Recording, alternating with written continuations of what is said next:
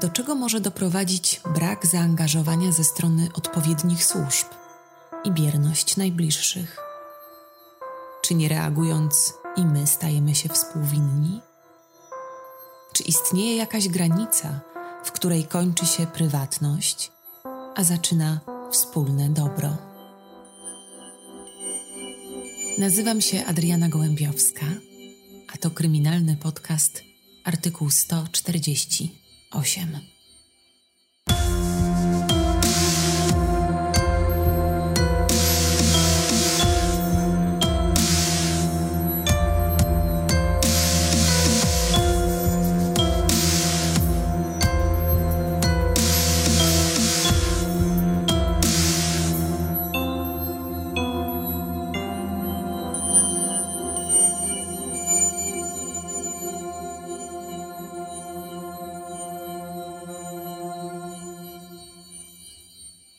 2 września 1975 roku. Drzwi wypełnionej po brzegi porannymi gośćmi restauracji otwierają się z hukiem. Stoi w nich przerażona kobieta i krzyczy: Na pomoc! On chyba umarł! On też mi umarł! Mary Beth? Mamrocze kelnerka i rusza w stronę zapłakanej matki, trzymającej w ramionach dziecko. Wszystkie twarze klientów, którzy jeszcze przed momentem zasypiali nad jajecznicą i owsianką, wpatrzone są teraz w napięciu w kobietę. Roztrzęsiona matka jest jedną z pracownic tego lokalu. Jechałam z nim samochodem i nagle przestał oddychać. Wydusiła Marybeth, szlochając przy tym tak głośno, że wokół kobiety natychmiast zbierają się wszyscy klienci i współpracownicy lokalu. A ona mówi, że była akurat w okolicy, gdy doszło do tego ataku, więc zatrzymała samochód i przybiegła tu z chłopcem. Pomóżcie mi! wrzeszczy patrząc kolejno na zgromadzonych. Na pierwszy rzut oka wszystkim wydaje się, że spokojna buzia niemowlaka pogrążona jest w błogim śnie. Ale ci, którzy znają historię kobiety, wiedzą, że dzieckiem powinni natychmiast zająć się lekarze w tym momencie jedna z kelnerek woła z zabaru, że już dzwoni do szpitala zawiadomić personel. Niech Mary szybko biegnie na izbę przyjęć. To przecież zaledwie kilkadziesiąt metrów od restauracji. Mary Beth, słysząc to, przytakuje i wybiega wciąż kurczowo ściskając swojego synka Natana. Grupa świadków całego zdarzenia śledzi każdy krok zdruzgotanej kobiety – Szpital Elis jest faktycznie bardzo blisko. Z restauracji można dostrzec jego drzwi wejściowe. Marybeth przebiega z chłopcem przez ulicę, jest już zaledwie kilkanaście metrów od szpitala, ale nagle, zamiast pobiec wprost do budynku, który przecież doskonale zna, kobieta zatrzymuje się, po czym pospiesznie wsiada do swojego zaparkowanego tuż przed szpitalem samochodu i odjeżdża. Zszokowani świadkowie stoją jeszcze przez moment przyklejeni do witryny restauracji, jakby zaraz miało się coś stać. Jakby samochód kobiety miał za moment znów się pojawić. Ale nic takiego się nie dzieje. Co właściwie się stało? Czego świadkami byli? Mary Beth Rowe Urodziła się 11 września 1942 roku w małym miasteczku o nazwie Duanesburg, położonym około 10 mil na południe od Schenectady w stanie Nowy Jork. Jej ojciec Alton przez większość jej dzieciństwa był nieobecny, walcząc podczas II wojny światowej. Gdy wrócił z frontu, podjął pracę operatora prasy w pobliskim General Electric, największym pracodawcy okolicy. Matka również pracowała, dlatego Mary Beth i jej młodszy brat często byli pozostawiani pod opieką najbliższych krewnych. Podobno ktoś z rodziny powiedział jej, że była niechcianym dzieckiem. I właśnie tym dziewczynka tłumaczyła sobie emocjonalną niedostępność swoich rodziców. Wspominała również, że w dzieciństwie, kiedy tylko płakała, ojciec bił ją i zamykał w szafie. Podczas jednego z późniejszych przesłuchań mówiła też, że ją molestował, ale potem wycofała się z tego. jednak to właśnie z ojcem miała najbliższą więź. Jako nastolatka nie miała zbyt wielu przyjaciół, a znajomi opisywali ją jako tą, która robiła wszystko, aby znaleźć się w centrum uwagi. Koledzy z klasy mówili, że była humorzasta, kłamała, przesadzała. Wszystko po to, żeby być zauważoną. Po zakończeniu liceum w 1961 roku chciała rozpocząć studia, jednak jej słabe stopnie nie pozwoliły na to. Podejmowała więc różne niskopłatne prace do czasu, aż została asystentką pielęgniarki w Ellis Hospital w pobliskim Schenectady. Mary Beth wywiązywała się ze swoich obowiązków. Była szanowana i całkiem lubiana przez współpracowników. Jej życie zawodowe było ustabilizowane, czego nie można było powiedzieć o życiu prywatnym. Była zupełnie samotna. I choć jej dość przeciętny i nieco chłopczycowaty wygląd nie wyróżniał jej z tłumu, to żywy charakter powodował, że zwracała na siebie uwagę wszystkich. W 1963 roku, podczas jednej z randek w ciemno zorganizowanej przez kolegów z pracy, poznała Josepha Tinninga. Joe, bo tak nazywali go znajomi, był może nieco nieśmiały i cichy, ale biła od niego życzliwość. I właśnie tym pogodnym usposobieniem rozkochał w sobie Mary Beth. I w dwa lata po pierwszym spotkaniu, wiosną 1965 roku, para pobrała się. Joe, podobnie jak ojciec kobiety, również pracował dla General Electric. Przypominali wiele innych młodych małżeństw w tej części Nowego Jorku. Ciężko pracowali, starali się godnie żyć i zaczynali planować powiększenie rodziny. W ciągu pierwszych pięciu lat małżeństwa mieli dwoje dzieci: Barbarę i Józefa Juniora – Pierwsze z nich urodziło się w maju 1967, a drugie w styczniu 1970 roku. Byli zdrowymi bobasami, a kobieta w oczach wszystkich jawiła się jako dobra i troskliwa matka. Merbeth miała wszystko, o czym rzekomo marzyła. Kogoś, kto się o nią troszczył oraz potomstwo. Ale szybko okazało się, że kobieta chciała jeszcze czegoś, czegoś, czego nie dawało jej nudne, ustabilizowane życie.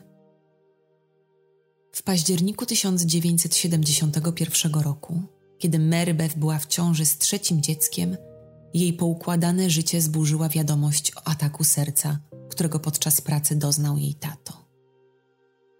Wciąż rozpaczliwie pragnąca miłości ojca, kobieta podbiegła do jego łóżka ale nawet na łożu śmierci Alton nie okazał córce najmniejszego śladu uczucia. Ta, do końca siedząc obok niego, powtarzała, jak bardzo go kocha, ale ojciec nawet w ostatnich minutach nie pojednał się z córką. Odwrócił od niej głowę i odszedł na zawsze. Zaledwie po dwóch miesiącach od śmierci ojca, kobieta urodziła trzecie dziecko, Jennifer Niestety maleństwo urodziło się z zapaleniem opon mózgowych. Podczas wywiadu w szpitalu kobieta przyznała się położnym, że próbowała wywołać poród po to, żeby Jennifer urodziła się w Boże Narodzenie. To wyznanie zaniepokoiło pracowników szpitala, ale nikt nie miał zamiaru potępiać pogrążonej w żałobie Mary Beth, która teraz miała kolejne wielkie zmartwienie. Stan noworodka zdawał się być coraz poważniejszy. Jednak obawy personelu okazały się zasadne. Doszło do śmiertelnej infekcji. Jennifer nigdy nie opuściła szpitala imienia świętej Klary. Żyła zaledwie 8 dni. Zmarła 3 stycznia 1972 roku z powodu zapalenia opon mózgowych i wielu ropni mózgu. Marybeth po śmierci córki była jakby odrętwiała, momentami zupełnie obojętna. Ale nikt nie odważył się tego oceniać. Uważano, że tak przeżywa stratę. Po powrocie do domu kobieta wyprała wszystkie ubrania małej Jennifer, wyprasowała je, a następnie razem z meblami spakowała i wszystko wyrzuciła do śmietnika przed domem. Rodzina i najbliżsi sąsiedzi, którzy widzieli to, starali się pomagać kobiecie, jej mężowi oraz pozostałej dwójce ich dzieci. Na progu zostawiali kwiaty, listy kondolencyjne, obiady. Tyle życzliwości i sympatii Mary Beth nie doznała w całym swoim życiu. Wszyscy rozmawiali o młodym małżeństwie Tinning, o biednej Mary Beth, która w przeciągu zaledwie dwóch miesięcy straciła ukochanego ojca i córeczkę. Dziwne zachowanie kobiety podczas pogrzebu tłumaczono szokiem i traumą. I gdy wszyscy powoli wracali do normalności, sąsiedztwem wstrząsnęła kolejna nowina. 20 stycznia, zaledwie 17 dni po śmierci Jennifer, zdarzyła się kolejna tragedia. Na izbę przyjęć szpitala Ellis w Schenectady wbiegła Mary Beth Tinning, ściskając w swoich ramionach dwuletniego syna Josepha Juniora, twierdząc, że chłopiec dostał mocnego napadu drgawek. Lekarze natychmiast przejęli chłopca od matki i poddali go pełnej diagnostyce. Badania nie wykazały wprawdzie żadnych odstępstw od normy, ale dla pewności chłopiec został zatrzymany w szpitalu na kolejne 10 dni. W tym czasie leczono go na infekcję wirusową. Kiedy był już zupełnie zdrowy, wypisano go do domu. Ale po zaledwie kilku godzinach w drzwiach izby przyjęć ponownie stała Mary Beth. Kobieta słaniała się na nogach. Jej twarz była spuchnięta od płaczu i ledwo łapała oddech. Pielęgniarki, widząc to, natychmiast podbiegły do niej, ratując ją od upadku. A lekarz wyjął z jej drżących rąk zawiniątko, które wciąż kurczowo tuliła do swojej piersi. Tym zawiniątkiem był mały Joey. Był zupełnie siny i nie oddychał. Nie żył.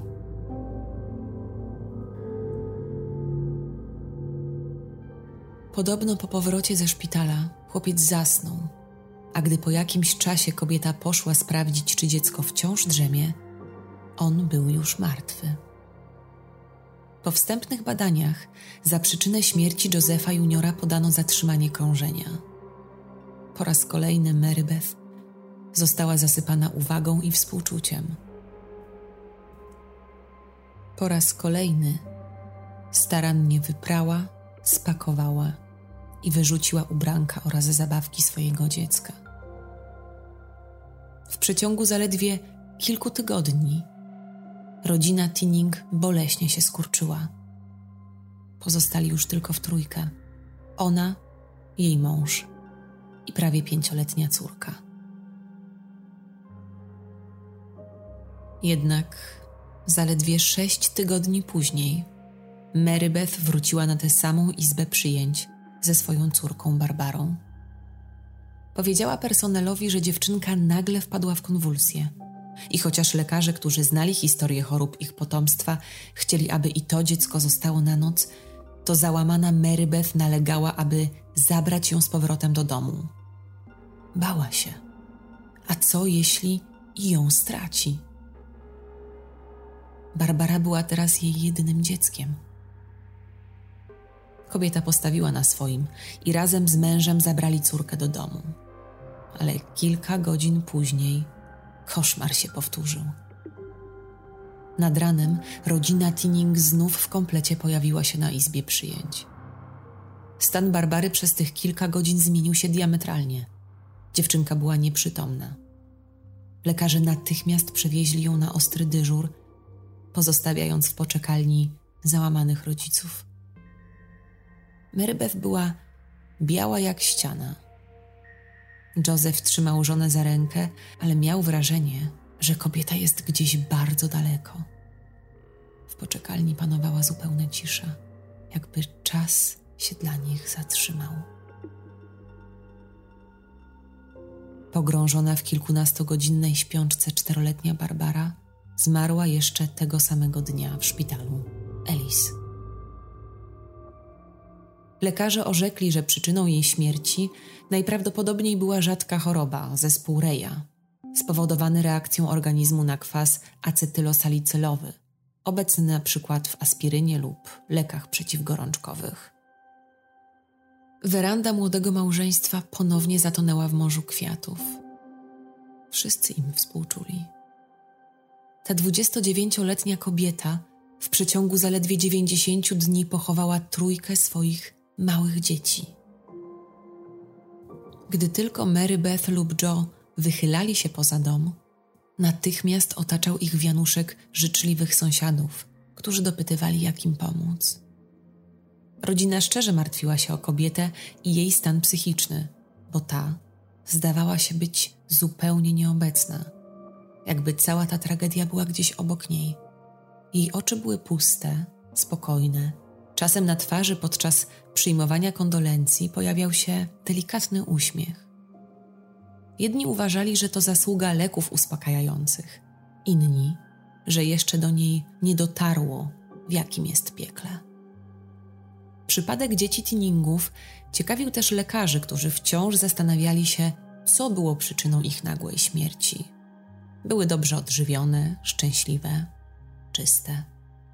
Na ich ciałkach nigdy nie odnaleziono żadnych śladów przemocy. A zarówno Mary Beth, jak i Joe byli młodzi, zdrowi i aktywni. Lekarze twierdzili, że jedynym sensownym wytłumaczeniem nagłej śmierci trójki dzieci jest jakiś rodzaj choroby genetycznej przekazywanej z matki na potomstwo. I choć w sąsiedztwie Tinningów coraz głośniejsze stawały się plotki o tajemniczym genie śmierci, który powoduje, że pozornie zdrowe dzieci nagle przestają oddychać, to wśród zatroskanych i współczujących głosów słychać było od czasu do czasu powątpiewające pomruki. Ktoś coś widział, ktoś coś słyszał, komu innemu coś się wydawało i wciąż powtarzano jedną historię. Rzekomo bliski sąsiad małżeństwa miał być świadkiem przerażającej sytuacji w dniu, w którym Barbara została zabrana na ostry dyżur. Ponoć dziewczynka bawiła się na podwórku sąsiada, kiedy po jakimś czasie Merbeth oznajmiła jej, że czas już wrócić do domu. Czterolatka miała wtedy zacząć krzyczeć i rozrabiać, ponieważ nie chciała jeszcze kończyć zabawy. I wtedy, obserwujący wszystko z ukrycia sąsiad, miał widzieć, jak matka łapie dziewczynkę za rękę, wykręca ją i szepcze małej do ucha: Uspokój się, albo skończysz tak jak twój brat. Nikt nie zastanawiał się, ile w tej historii jest prawdy, ale była to tak porażająca wiadomość, że niewielu postanowiło zatrzymać ją dla siebie. W mgnieniu oka uczucie współczucia zaczęło ustępować wszechobecnej podejrzliwości. Kolejna ciąża Mary Beth tylko podsycała nowe plotki. Kobieta czuła spojrzenie na swoich plecach, kiedy tylko wychodziła z domu. Ale teraz nikt nie podbiegał do niej spytać, jak się czuje, jak można pomóc. Na widok sąsiadki wielu odwracało wzrok, a nawet udawało, że jej nie widzi. Kobieta nie tylko przestała być w centrum zainteresowania, czuła, że nie jest już mile widziana w sąsiedztwie. Nikt wprost niczego państwu Tinning nie zarzucił, nie udowodnił, ale złowrogie szepty i ukradkowe spojrzenia spowodowały, że młode małżeństwo przeniosło się do nowej dzielnicy, w której kobieta rozpoczęła pracę kelnerki w nieodległej od domu restauracji. Poczucie bezpieczeństwa przyszłym rodzicom dawał też fakt, że szpital Ellis, w którym kiedyś pracowała Mary Beth, a później leczyła swoje dzieci, znajdował się niemal naprzeciw nowego mieszkania. Gdyby cokolwiek miało się znów wydarzyć, mogli teraz zareagować natychmiast. Nowe otoczenie podreperowało nastroje kobiety. Ponownie mogła liczyć na wsparcie sąsiadów. Koleżanki z pracy, którym zwierzyła się ze swoich doświadczeń, zastanawiały się, skąd w niej tyle siły, że po straceniu trójki ukochanych dzieci wciąż wierzy, że może mieć zdrową rodzinę. Pewnego dnia wzruszonej Mary Beth zorganizowały imprezę niespodziankę baby shower podczas którego obdarowały przyszłą matkę wyprawką dla niemowlaka. Timothy urodził się w święto dziękczynienia 1973 roku. Miał wprawdzie niewielką niedowagę, ale poza tym był zdrowy. Jednak lekarze szpitala Ellis postanowili dokładnie przebadać malucha. Znali historię poprzednich dzieci państwa Tinning, ale gdy po dwóch dniach badań byli absolutnie pewni, że chłopiec nie wykazuje żadnych problemów zdrowotnych, odesłali do domu najszczęśliwszą mamę wraz z synkiem. Timothy miał zaledwie trzy tygodnie, kiedy 10 grudnia Mary Beth przyniosła jego martwe ciało z powrotem do szpitala. Zszokowani lekarze nie mogli w to uwierzyć. Co się stało? Co to za tajemnicza choroba, która zabija te bezbronne maleństwa? Ale przeprowadzone badania znów niczego nie wyjaśniały. Drobne ciałko Timotiego nie nosiło żadnych ran, siniaków, blizn, niczego, co mogłoby podważyć historię matki chłopca. Marybeth co jakiś czas mdlała. Jej czwarte ukochane dziecko odeszło. Zanosząca się od płaczu kobieta zdołała tylko wydusić z siebie, że takiego już go znalazła w łóżeczku, że gdy przyszła go ucałować na dobranoc, on już był zimny niczym lód. W akcie zgonu lekarze napisali zespół nagłej śmierci łóżeczkowej. I choć takich przypadków w ciągu roku w całej Ameryce było zaledwie kilka tysięcy, to okrutny los chciał, że w rodzinie Tinning już drugie dziecko zmarło właśnie z tego powodu. Kolejny rok okazał się trudnym dla młodego, ale jakże doświadczonego przez życie małżeństwa. Mary Beth nie cieszyła się wielką sympatią rodziny męża. Obarczali ją winą za śmierć dzieci. W końcu to ona miała nosić ten śmiertelny gen. Brat Joego był wobec niej najbardziej podejrzliwy. Mężczyzna twierdził, że Mary Beth omotała sobie Józefa wokół małego palca. Nigdy się jej nie sprzeciwiał, nie dochodził przyczyn śmierci swoich dzieci, uważał ją za świetną matkę. Joe podobno kiedyś niby mimochodem zażartował do brata, że żona go truje. Pomimo starań nie mogli zajść w kolejną ciążę, a jego jedzenie z każdym dniem stawało się coraz bardziej gorzkie. I choć miał być to żart, to właśnie od tego momentu brat i jego żona wiedzieli, że muszą baczniej przyjrzeć się szwagierce. I wszystkie ich wątpliwości zostały rozwiane za pomocą jednego telefonu. Około trzeciej rano do ich domu zadzwoniła łkająca Mary Beth, oświadczając, że jej mąż chyba jest martwy. Mężczyzna, niewiele myśląc, obudził swoją żonę i razem w piżamach pobiegli co tchu do mieszczącego się kilka przecznic dalej domu Josefa i jego żony.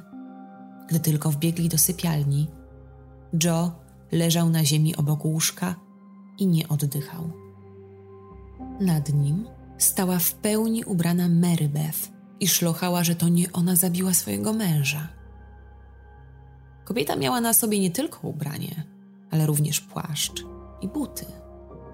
Kiedy będzie lekarz? wrzasnął na kobietę brat jej męża, ale odpowiedziała mu cisza. Kiedy będzie policja? zapytał ponownie. Nikt nie przyjedzie. Wezwałam tylko was wyszeptała Mary Beth. Kiedy Joe ostatecznie został zabrany do szpitala, lekarzom udało się go odratować. Jednak w jego ciele odkryto niemal śmiertelną dawkę barbituranów, występujących między innymi w lekach nasennych. Mężczyzna nie chciał rozmawiać z policją, nie chciał przyznać, czy sam zażył leki, czy może ktoś mu je bez jego wiedzy podał.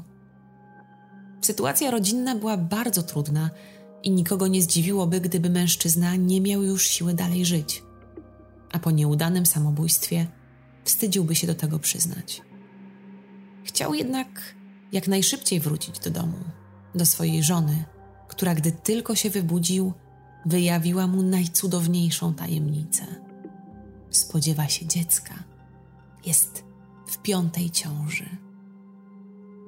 Kobieta czuła, że atmosfera w pracy gęstnieje i nawet kolejne przyjęcie zorganizowane z okazji zbliżającego się porodu nie rozluźniło sytuacji między pracownikami. Wręcz odwrotnie. Gdy kolejna zatroskana kelnerka składała życzenia przyszłej matce i pozwoliła sobie na uwagę, że nie wie skąd w Mary taka siła, ta odsunęła od siebie koleżankę, zacisnęła zęby i wycedziła: Jestem kobietą. To właśnie mają robić kobiety. Po czym odwróciła się i wyszła z własnego przyjęcia. W niedzielę wielkanocną 1975 roku urodził się Nathan. Współpracownicy Marybeth nie potrafili ukryć zdumienia, że małżeństwo pomimo wszystko postanowiło znów zdecydować się na dziecko. I koleżanki z pracy coraz śmielej komentowały sytuację Marybeth. Niektóre pozwalały sobie nawet na tak gorzkie słowa jak te, że to nieludzkie, by skazywać te bezbronne istnienia na tak krótkie życie. Lekarze szpitala Ellis, którzy przyjęli kolejny poród Marybeth, postanowili tym razem zrobić absolutnie wszystko, aby nie dopuścić do kolejnej tragedii. Nathan również urodził się zupełnie zdrowy i po spędzeniu kilku swoich pierwszych dni w szpitalu i dokładnym przebadaniu, lekarze wpadli na pomysł, aby szczęśliwych rodziców odesłać do domu z monitorem bezdechu. On mógłby przechytrzyć tę tajemniczą genetyczną chorobę, która podczas snu pozbawia dzieci Marybeth życia. Pracownikom bardzo zależało na tym, aby chłopiec był pod stałym nadzorem. Nie chcieli dopuścić do kolejnej śmierci nie tylko ze względu na niezwykle kruchą psychikę obojga rodziców, ale także ze względu na reputację szpitala. Kolejny zgon niemowlęcia z niewyjaśnionych powodów tylko pogrzebałby już mocno nadszarpniętą opinię. Po opuszczeniu restauracji, do której wbiegła kilka minut wcześniej, kobieta nie idzie do szpitala Ellis, od którego dzieliło ją zaledwie kilka kroków, tylko wsiada do samochodu z nieprzytomnym Nathanem i jedzie do szpitala świętej Klary, po drugiej stronie miasta. Gdy do niego dociera i roztrzęsiona oddaje chłopca w ręce lekarzy, ci stwierdzają zgon pięciomiesięcznego Nathana Tinninga. I w tym szpitalu lekarze znali historię kobiety. Po szybkim przebadaniu zwłok chłopca nie odnajdują żadnych podejrzanych znaków na jego ciele. Śmierć łóżeczkowa podobnie jak u rodzeństwa, oświadcza lekarz bladej i zdezorientowanej matce, która siedzi w poczekalni i wciąż tuli do siebie kocyk, którym jeszcze kilka minut temu przykryty był jej jedyny syn. Ponownie nie ma racjonalnego wytłumaczenia śmierci. Rodzina, przyjaciele i sąsiedzi są zszokowani. Zmarło pięcioro dzieci Mary Beth i Josefa. To było straszne, przerażające i niewiarygodne. Podejrzenia rosną. Szwagierka ma Mary Beth na celowniku od dłuższego czasu. Nie spuszcza z kobiety wzroku podczas kolejnego pogrzebu jej dziecka, podczas kolejnej już stypy. Ma wrażenie, jakby Mary świetnie się bawiła podczas tych upiornych przyjęć, jakby to, że wszyscy składają jej kondolencje, przytulają ją i wyrażają swoje współczucie, dawało kobiecie jakąś chorą radość. Podczas spotkania bryluje wśród gości, inicjuje rozmowy, proponuje drinki. Coś z tą kobietą jest nie tak, myślała. Ale Marybeth doskonale widzi ten wścibski, podejrzliwy wzrok rodziny jej męża. I gdy brat Josefa proponuje kobiecie wspólny obiad, aby nieco ją odciążyć, ta rzuca, by zamknąć mężczyźnie usta. Nie, dziękuję. Właśnie dostaliśmy czek za Neitena, więc idziemy po nowe zasłony i tapetę. Ale zachowania kobiety nie można przecież było jednoznacznie ocenić. Straciła pięcioro dzieci. Wciąż słyszała obrzydliwe komentarze w swoim kierunku. Nikt nie był z nią szczery. Ci, którzy poklepywali ją po ramieniu, obgadywali ją później z sąsiadami na proszonych kolacjach, na które już prawie nikt tiningów nie zapraszał. Można było jej nie lubić, można było jej nie ufać, ale nie można było jej odmówić tego, że przechodzi przez koszmar. Małżeństwo nie chce jednak odpuścić marzeń o potomku, ale przez niemal dwa lata kobieta nie może zajść w ciążę. Myśl o adopcji coraz częściej pojawia się w jej głowie. Joseph, który widzi w jak złym stanie psychicznym jest jego żona, zgadza się na złożenie wniosku w agencji. I w ten sposób, pod dach Tinningów jako rodziny zastępczej, trafia mały chłopiec, Robert. Ale małżeństwo tak szybko odsyła go z powrotem, że ani rodzina, ani sąsiedzi nie mają szansy nawet go zobaczyć. Po kilku tygodniach pojawia się niemal dziesięcioletnia dziewczynka, Linda. Ta szybko nawiązuje relacje z Josephem, ale i ona nie zabawia w tym domu na długo, bo już na początku 1978 roku okazuje się, że Mary Beth jest w ciąży. I gdy tylko kobieta dowiaduje się o tym, bez wahania odsyła dziewczynkę do sierocińca.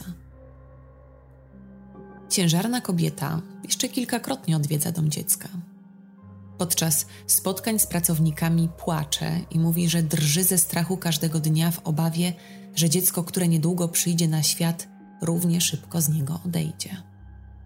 A wszystko przez ten gen śmierci, który nie pozwoli jej mieć maleństwa. Pracownicy sierocińca są tak poruszone wyznaniem kobiety, że decydują się oddać w ręce małżeństwa noworodka, Michaela. Po to tylko, by kobieta mogła w końcu być upragnioną matką. Ma to miejsce w sierpniu 1978 roku. Chłopiec jest szóstym dzieckiem w rodzinie Tinningów, a już w październiku Mary Beth rodzi siódme dziewczynkę imieniem Mary Frances. W ich domu znów zaświeciło słońce. Mieli dwa noworodki i nadzieję, że tym razem nie stanie się nic złego. Ale ten spokój nie trwa długo, bo już w styczniu kobieta wbiega z nieprzytomną dziewczynką do izby przyjęć szpitala. Znów od progu krzyczy, że dziewczynka dostała ataku, przestała oddychać i teraz jest nieprzytomna. Personel natychmiast odbiera od kobiety Mary Frances i tym razem lekarzom udaje się uratować dziewczynce życie. Wszystko dzięki ich szybkiej reakcji. Niestety, 20 lutego kobieta znów pojawia się z dzieckiem w tym samym szpitalu. Dochodzi do całkowitego zatrzymania akcji serca i pomimo podjętych prób reanimacji, mózg dziewczynki był już nieodwracalnie uszkodzony. Po dwóch dniach rodzina podejmuje decyzję o odłączeniu aparatury podtrzymującej życie maleńkiej Mary Frances. Lekarze zgodnie oświadczają, że przyczyną zgonu i tego dziecka była nagła śmierć łóżeczkowa. Kobieta ponownie odprawia swój rytuał. Pierze, sprząta i wyrzuca wszystko, co może jej przypominać córkę. Tuż po pogrzebie zachodzi w kolejną ciążę. 19 listopada tego samego roku rodzi Jonathana. Kobieta jest bardzo szczęśliwa, ale również przerażona. Czy kiedykolwiek uda się jej przerwać ten śmiertelny krąg? Ale w sercach Tinningów jest iskierka nadziei. Ich adoptowany już 13-miesięczny syn Michael ma się dobrze, jest zdrowym i szczęśliwym chłopcem. On tak. Ale nie malutki Jonathan który nieprzytomny pojawia się z matką w szpitalu świętej Klary zaledwie cztery miesiące po porodzie. Przypadek tego chłopca jest niemal identyczny jak jego siostry. Lekarze cudem przywracają mu życie, ale tym razem specjaliści decydują się na konsultacje z fachowcami z Bostonu. Wierzą, że może oni będą w stanie postawić inną diagnozę i uratować chłopca.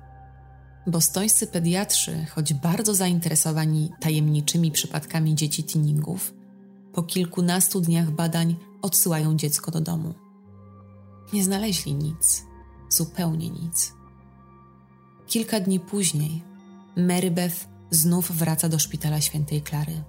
Po raz kolejny w rękach niesie martwego chłopca. O małżeństwie plotkowali już wszyscy – byli na językach całego sąsiedztwa, ale coraz mniej osób im współczuło. Ludzie wręcz nie potrafili już doliczyć się ich potomstwa i stwierdzić, które z nich jeszcze żyje. Mieszkańcy Schenectady mieli też własną teorię na temat tajemniczego genu śmierci, jaki Marybeth rzekomo przekazuje swoim dzieciom. Ale prawda była taka, że lekarze byli przekonani, że za śmierć potomków kobiety odpowiada zaburzenie genetyczne. Innego wyjaśnienia nagłej utraty oddechu nie mieli aż do 2 marca 1981 roku. Tego poranka przed gabinetem lekarskim stoi Mary Beth Tinning, trzymając na rękach zawiniętego w koc jedynego już syna Michaela. Lekarz, gdy tylko widzi kobietę, natychmiast otwiera gabinet i wyjmuje z roztrzęsionych rąk zapłakanej matki dwu i półletniego chłopca. Martwego chłopca. Czekałam tu i czekałam, aż pan doktor otworzy. Od wczoraj spadł ze schodów, łukała. Ale potem wszystko było dobrze. Zasnął, a gdy rano poszłam go obudzić, nie oddychał, był taki wiotki. Wzięłam go na ręce. Nagle milknie i upada na podłogę. Lekarz kojarzył kobietę i wiedział o tajemniczej chorobie, która nie pozwala jej dzieciom dożyć piątego roku życia. Ale chwila. Czy ten chłopiec nie był adoptowany? Po wykonanej sekcji zwłok okazuje się, że w płucach Michaela były niewielkie zmiany, które wskazywać mogły na zapalenie, ale bezspornie nie to było przyczyną jego śmierci. Lekarz na ciele chłopca nie znajduje żadnych podejrzanych znaków. Z zamyślenia wyrywa go asystentka. Doktorze, widział pan adres tej kobiety? Lekarz zaprzecza. Przecież ona mieszka niemal naprzeciw szpitala Elis. Czemu nie pobiegła tam po pomoc, tylko godzinami czekała na otwarcie gabinetu? To nie miało sensu. Ponieważ Michael nie był spokrewniony z Tinningami, teoria, że zgony w tej rodzinie miały pochodzenie genetyczne, przestała być podtrzymywana. Lekarze, pracownicy socjalni, członkowie rodziny i sąsiedzi zaczęli coraz głośniej wyrażać swoje podejrzenia. Jednak nikt niczego nie zrobił. 22 sierpnia 1985 roku 42-letnia Mary Beth rodzi ósme dziecko. Dziewczynkę Tammy Lynn. To dziewiąte dziecko małżeństwa, wliczając adoptowanego Michaela. 19 grudnia w nocy Mary Beth w panice dzwoni do mieszkającej w sąsiedztwie pielęgniarki, Cynthia Walter, która kilka godzin wcześniej była w jej domu i bawiła się z dziewczynką. Matka, płacząc, błaga, aby ta jak najszybciej do niej przyszła. Kiedy kobieta dobiega do sąsiedniego domu, Tamilin leży bezwładnie na przewijaku. Jej puls i oddech są niewyczuwalne, a ciało jest lekko niebieskie. Pyta, czy Marybeth wezwała karetkę. Ta zaprzecza i ponaglona przez sąsiadkę biegnie zadzwonić po pomoc. Nim do Cynthii dociera, że zdrowy maluch, którego widziała tego samego dnia, leży teraz bez ruchu, pod dom państwa Tinning właśnie podjeżdża ambulans i zabiera małą. Co się stało? Pyta jeszcze w drzwiach wychodzącą do lekarzy matkę. Była zaplątana w koc, odpowiada Mary Beth. Na izbie przyjęć lekarze stwierdzają zgon dziecka. I choć znów nie mogą znaleźć żadnej widocznej przyczyny, to tym razem są niemal przekonani, że za śmiercią dziewczynki stoi jej matka, Mary Beth. Następnego ranka Cynthia Walter odwiedza dom sąsiadów, z którymi już nikt właściwie nie rozmawia.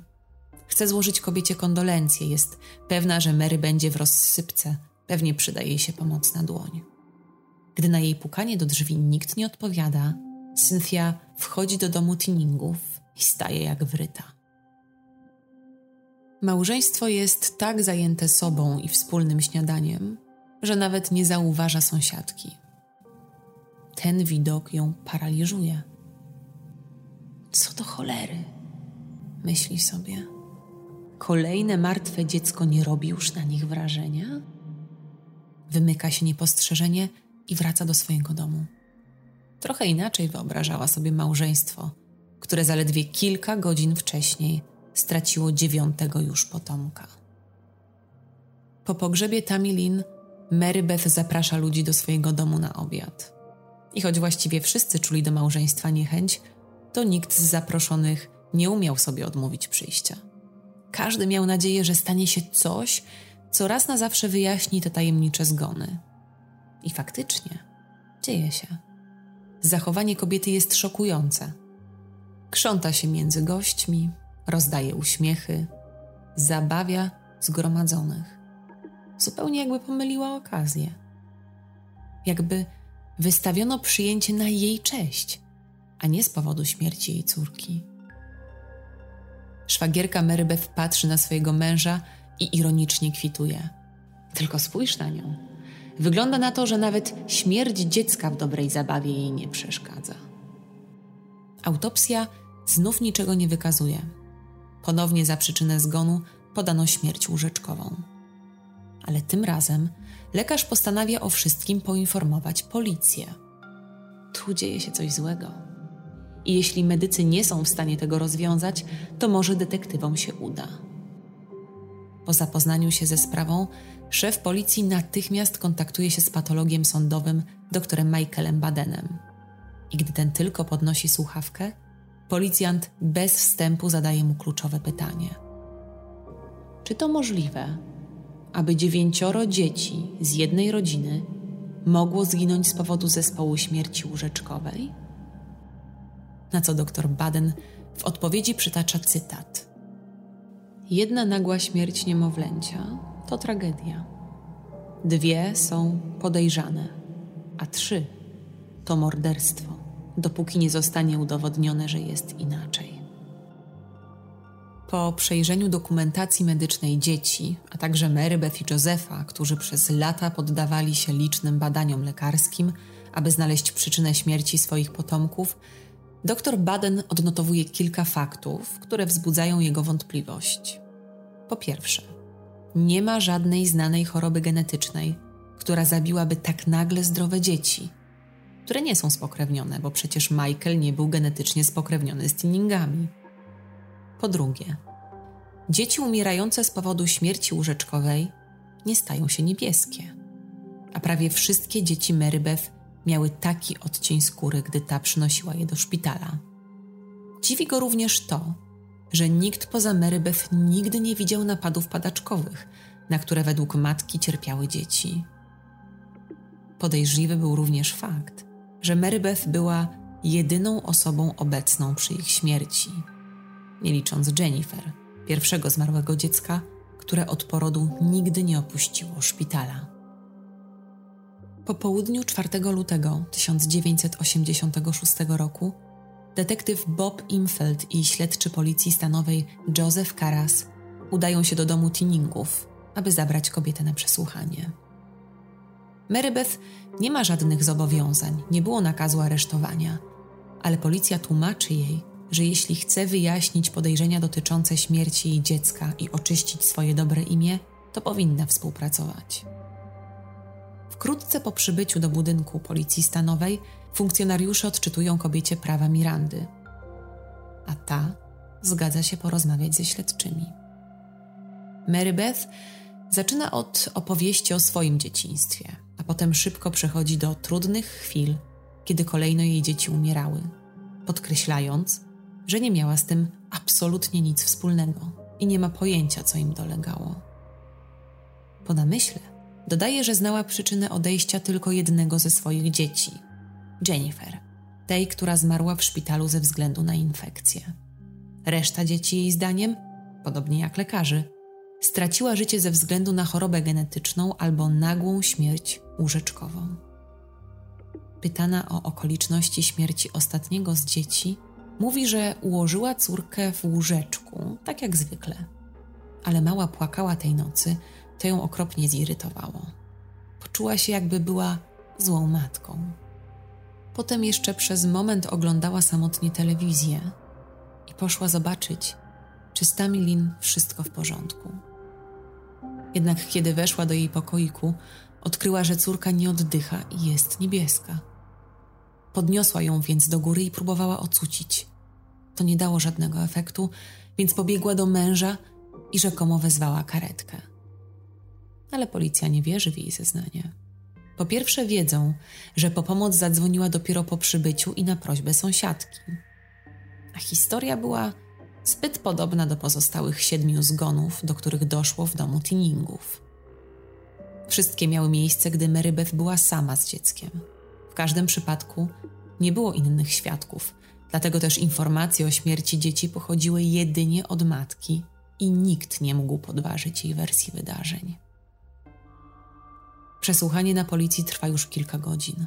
W tym czasie śledczy Imfeld i Karas poruszają sprawy śmierci pozostałych dzieci. To fakt. Do niektórych wydarzeń muszą się cofnąć aż o 14 lat. I kobieta może być nieco zagubiona, a dodając do tego stres i traumę, którą przeszła przez ten czas, nie dziwi śledczych to, że są szczegóły, których nie pamięta. Ale momentami kobieta opowiada historie, które w żaden sposób nie pokrywają się z faktami ustalonymi podczas śledztwa. Około drugiej po południu do przesłuchujących dołącza detektyw policji stanowej William Barnes, który znał Mary Beth od dzieciństwa.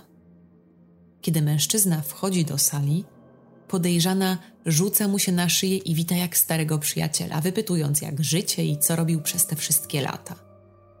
Ale detektyw doskonale pamięta sztuczki Mary Beth jeszcze z czasów liceum. Te próby odwrócenia uwagi i wybielenia swojej osoby. Siada naprzeciw niej, spokojnie patrzy w jej oczy i mówi, że to dalej nie ma sensu, że wszyscy wiedzą, że to ona stoi za śmiercią dzieci i że właśnie nadszedł czas, aby zrzuciła ten ciężar ze swoich barków. Kiedy Marybeth zostaje skonfrontowana z podejrzeniami co do śmierci reszty swoich dzieci, początkowo zaprzecza. Jednak po chwili w końcu przyznaje, że zabiła troje swoich dzieci. Tammy Lynn, Nathana i Timotiego. Tak, zabiłam ich.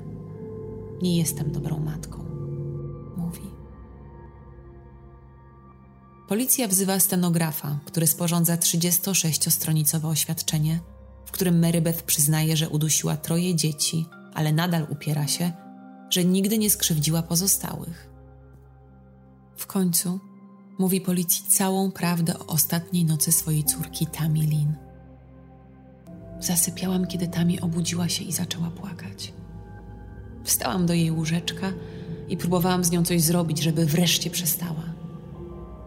Użyłam poduszki.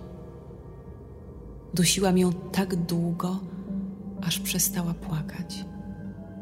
Potem zaniosłam tą poduszkę z powrotem na kanapę, by następnie przekonać Joe'ego, że spałam, kiedy mała umierała. Pobiegłam do sypialni i krzyczałam do niego, że tam nie oddycha. Zrobiłam resuscytację krążeniowo-oddechową, jakkolwiek głupio to brzmi, ale wiedziałam już wtedy, że nie żyje. Zapadła cisza. Po chwili śledczy zapytał jeszcze tylko, dlaczego zabiła córkę. A Mary Beth odpowiedziała: Ponieważ zawsze płakała, a ja nie mogłam nic z tym zrobić. Pod koniec oświadczenia Mary Beth napisała: Nie zrobiłam nic Jennifer, Josephowi, Barbarze, Michaelowi, Mary Frances ani Jonathanowi, tylko tej trójce Timotiemu, Nathanowi i Tami. Udusiłam ich poduszką, ponieważ ja nie jestem dobrą matką. Po aresztowaniu Mary Beth, społeczność Schenectady żyje tylko tą sprawą. O śmierci dziewiątki dzieci państwa Tinning piszą gazety w całym kraju. Dziennikarze próbują jak najwięcej wyciągnąć od policji, sąsiadów, lekarzy i pielęgniarek, które przez lata spotykały kobietę. Personel medyczny przyznaje, że niektórzy znali ją jeszcze z czasów, gdy pracowała tam jako asystentka, a to nieco osłabiło ich czujność, bo była jakby jedną z nich. Zawsze wpadała z impetem na jeden z miejskich oddziałów ratunkowych, tak by nikt nie przegapił jej wejścia. Zdezorientowana i histeryczna, trzymając w ramionach zawinięte w kocyk martwe lub prawie martwe dziecko. Pielęgniarki przyznają, że kobieta wzbudzała skrajne emocje. Niektórzy jej nienawidzili, inni odczuwali wielki żal i litość nad nią. Miały też przypuszczenia, że kobieta w jakiś sposób wywoływała porody, na czym zresztą została raz przyłapana, bo dziwnym wydawał się fakt, że niemal wszystkie jej dzieci rodziły się w czasie świąt. Sąsiedzi wspominali, że w przerwach pomiędzy zgonami Mary Beth często była w ciąży i chętnie dzieliła się swoimi obawami dotyczącymi zdrowia przyszłego dziecka. Podobnie było tuż po porodach, gdy paradowała z wózkiem i zatrzymywała się przy każdym napotkanym, aby pochwalić się maluchem. Jeden z sąsiadów powiedział nawet: Kiedy urodziło się jej ostatnie dziecko, zadałem sobie pytanie, jak długo to będzie trwało. Miałem swoją teorię, ale kim byłem, żeby wskazywać palcem? Reporterom udaje się też dotrzeć do Joego, który raczej niechętnie wypowiada się o aresztowanej żonie. Przytaczają mężczyźni wypowiedzi jego znajomych o tym, że po każdej śmierci ubierał się w to samo ubranie i posłusznie chodził na nabożeństwa do tego samego domu pogrzebowego. Siedział cicho na stypie, nie narzekając i rzadko rozmawiał z kimkolwiek. Te rewelacje mężczyzna kwituje tylko tymi słowami. Były sprawy, które wzbudziły we mnie podejrzenia, ale trzeba ufać swojej żonie. Ma swoje rzeczy do zrobienia i dopóki je wykonuje, nie zadajesz żadnych pytań. Niektóre zgony dzieci zostały przypisane przyczynom naturalnym, więc nie przeprowadzono sekcji zwłok i właśnie brak autopsji w kilku przypadkach okazał się być sporym problemem w śledztwie. Dlatego też detektywi i biuro prokuratora okręgowego postanowili posunąć się o krok dalej. 29 maja 1986 roku pod kierownictwem doktora Michaela Badena i doktora Tomasa Orama, szefa Wydziału Patologii w Ellis Hospital, ekshumowano zwłoki trojga dzieci i przewieziono je do gabinetu lekarskiego na dalsze badania. Zamieszanie co do lokalizacji grobów powoduje w jednym przypadku ekshumację niewłaściwych zwłok, a pozostałe dwa ciała są zbyt rozłożone, aby przeprowadzić rozstrzygające badanie. Dr Oram zostaje też poproszony o przygotowanie profilu rodziny. W profilu tym zauważa, że ojciec jest nieco zdystansowany, jakby nie był zainteresowany okolicznościami śmierci tych wszystkich dzieci. Ma nawet trudności z zapamiętaniem wszystkich ich imion. Mary Beth Tinning zostaje ostatecznie oskarżona o zamordowanie tylko jednego z jej dzieci, ostatniej córeczki. Policja i prokuratura okręgowa hrabstwa Schenectady uznają, że była to jedyna sprawa, w której mieli dowody jej winy, a kluczowym dowodem jest jej przyznanie się z 4 lutego. Proces o morderstwo rozpoczyna się w sądzie okręgowym 22 czerwca 1987 roku. Ale już od samego początku obrońca kobiety Paul Callahan prosi o wykluczenie z dowodów jej 36-stronicowego zeznania, twierdząc, że Mary Beth została do niego zmuszona. Kobieta miała rzekomo tylko powtórzyć historię, którą wcześniej wymyślili policjanci. Sąd każe wstać kobiecie i powiedzieć, jak było. Ona twierdzi, że policja krzyczała i groziła jej, a wszelkie oświadczenia, które złożyła, były odpowiedzią na to zastraszenie. Byłam zmęczona, nie chciałam kontynuować. Wiedziałam, że to, co robią, było złe. Ale wyglądało na to, że trzymają mnie w swoich szponach. Powiedzieli, że jeśli nie powiem prawdy, wyjmą moje dzieci z grobów i rozerwą je na strzępy. Po wysłuchaniu kobiety i jej obrońcy, sędzia jednak decyduje się oddalić ich wniosek. Proces zdominowany jest przez zeznania ekspertów medycznych.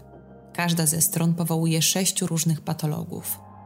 Na jaw wychodzą nowe fakty, jak na przykład ten, że dr Bradley Ford, który badał Tamilin, tuż po porodzie poradził, żeby ze względu na problemy zdrowotne poprzednich dzieci zainstalować dziewczynce monitor oddechu.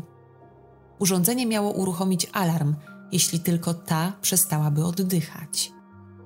Co ciekawe, Mary Beth odmówiła.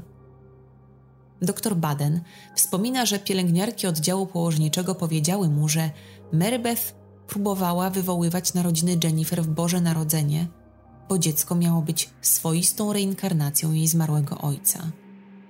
Ta nieudana próba wywołania narodzin kosztowała jej córeczkę życie.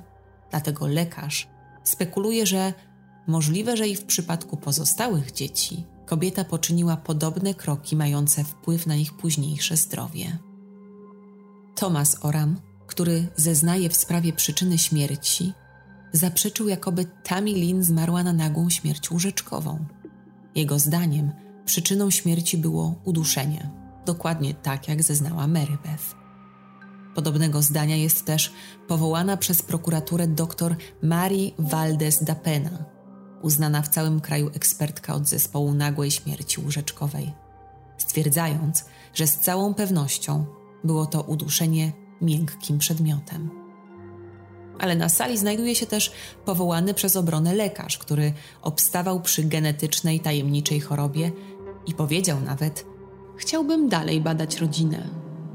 Idealnym eksperymentem byłoby pozwolić jej mieć więcej dzieci i przyjrzeć się im biochemicznie. Jednak nie to najbardziej szokuje ławę przysięgłych, a fakt, że oskarżona Mary Beth odmawia zeznań.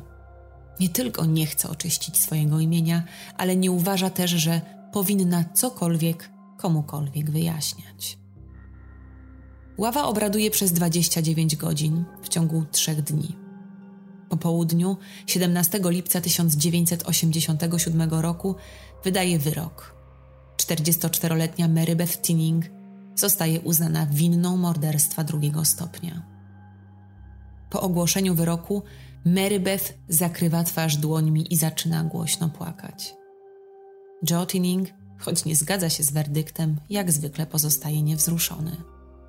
Adwokat obrony, Paul Callahan, zapowiada prasie, że natychmiast złoży apelację, ponieważ jego zdaniem zeznanie Mary Beth z 4 lutego nigdy nie powinno było zostać dopuszczone do dowodów. 2 października 1987 roku Mary Beth zostaje po raz ostatni postawiona przed sądem okręgowym w Schenectady. Prokurator Persz zwraca się do sądu o maksymalny wymiar kary. Obrona prosi o minimalną karę, jaką jest 15 lat. Jednak sędzia Harrigan pyta jeszcze panią Tinning, czy ma coś do powiedzenia. A ta potwierdza skinieniem głowy, wstaje i zaczyna odczytywać przygotowane oświadczenie. Chcę, aby ludzie na tej sali sądowej wiedzieli, że jest mi bardzo przykro z powodu śmierci Tamilin. Nie ma dnia, w którym bym o niej nie myślała. Bardzo za nią tęsknię. Chcę tylko, żebyście wiedzieli, że nie odegrałam żadnej roli w śmierci mojej córki. Z podniesioną głową akceptuję karę za przestępstwo, za które zostałam skazana. Nie popełniłam tego przestępstwa, ale odsiedzę karę w więzieniu najlepiej jak potrafię. Jednak nigdy nie przestanę walczyć o moją niewinność. Pan na górze i ja wiem, że jestem niewinna. Pewnego dnia cały świat dowie się, że jestem niewinna i może wtedy odzyskam swoje życie lub to, co z niego zostało. Zaraz po jej zeznaniu Mary Beth zostaje skazana na dożywocie z możliwością ubiegania się o warunkowe wyjście po minimum 20 latach. Z sali sądowej zostaje zabrana w towarzystwie krzyków i wyzwisk i osadzona w więzieniu okręgowym. Chociaż biuro prokuratora obiecało dodatkowe oskarżenia w sprawie śmierci dwojga innych dzieci, to policja jest przekonana, że Tinning w ciągu 14 lat zamordowała wszystkie dziewięcioro w sierpniu 1989 roku Mary Beth zostaje oskarżona o zamordowanie sześciomiesięcznego Nathana i szesnastodniowego Timotiego. Jednak zarzuty zostają później wycofane z powodu braku dowodów. Ostatecznie Mary Beth zostaje skazana jedynie za morderstwo ostatniego ze swoich dzieci, Tammy Lynn. Pierwsza rozprawa w sprawie zwolnienia warunkowego odbywa się 29 marca 2007 roku. Tinning pojawia się przed trzyosobową komisją, która przeprowadza z nią wywiad o jej zbrodniach, uwięzieniu i nadziejach na przyszłość. To jej pierwszy wniosek o zwolnienie warunkowe i co ciekawe, podpisało go kilka zaskakujących osób. Między innymi były śledczy policji stanowej William Barnes, który doprowadził do przełomowych zeznań, a także sędzia Clifford Harrigan, który skazał Tinning na karę więzienia w 1987 roku. Oboje twierdzą, że w tym wieku kobieta nie stanowi już zagrożenia dla społeczeństwa. Rada do spraw zwolnień warunkowych bierze pod uwagę kilka czynników, w tym zrozumienie przez więźnia przestępstwa, wyrzuty sumienia, odpowiedzialność i rehabilitację. Ale Mary Beth zawodzi we wszystkich tych aspektach.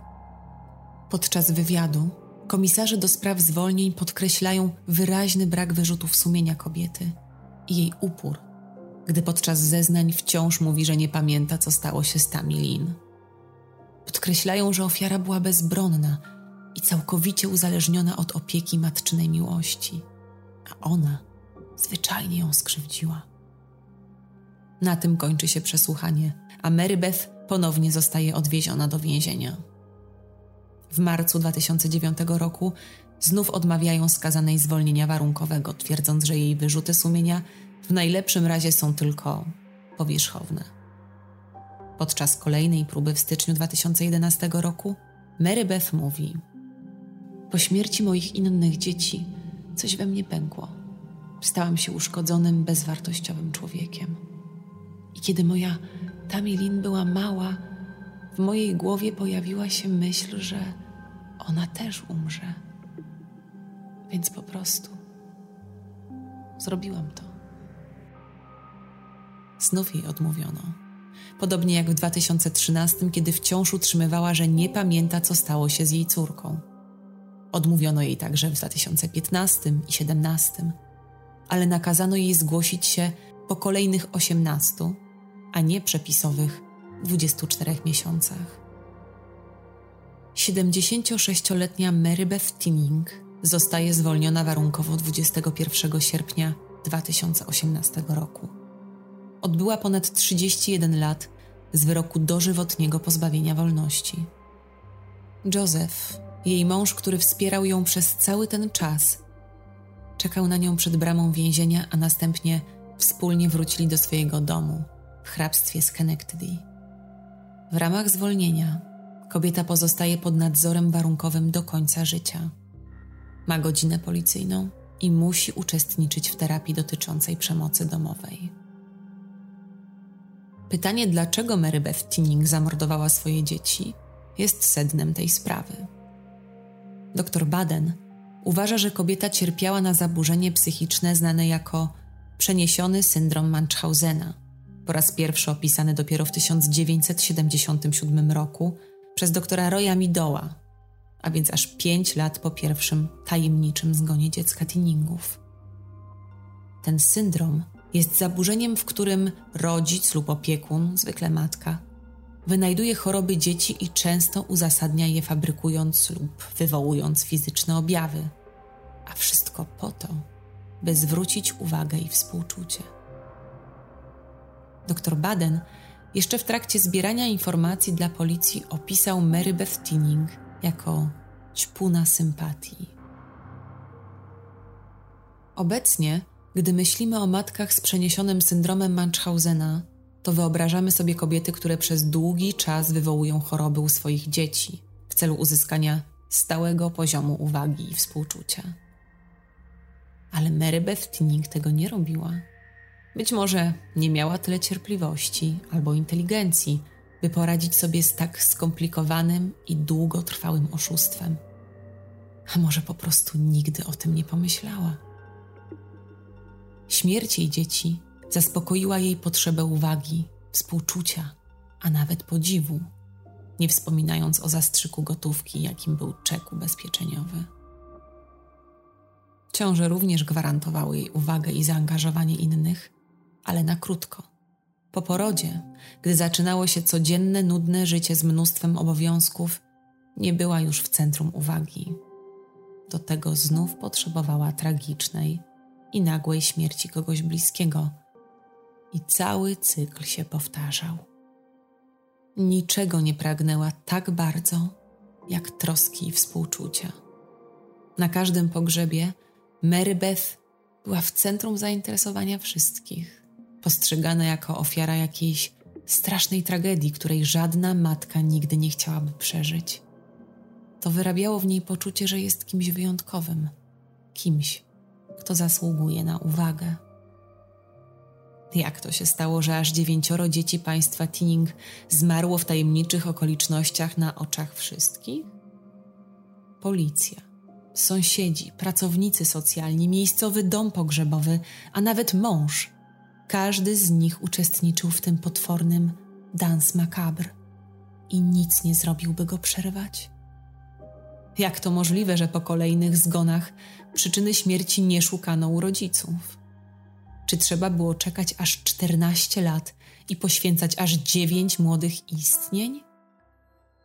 Właśnie z powodu tej bierności nie wiemy dziś, czy Mary Beth Tinning jest ofiarą niewyjaśnionej choroby swoich dzieci, która doprowadziła do ich śmierci, czy może jedną z najbardziej okrutnych seryjnych zabójczyń w historii Ameryki.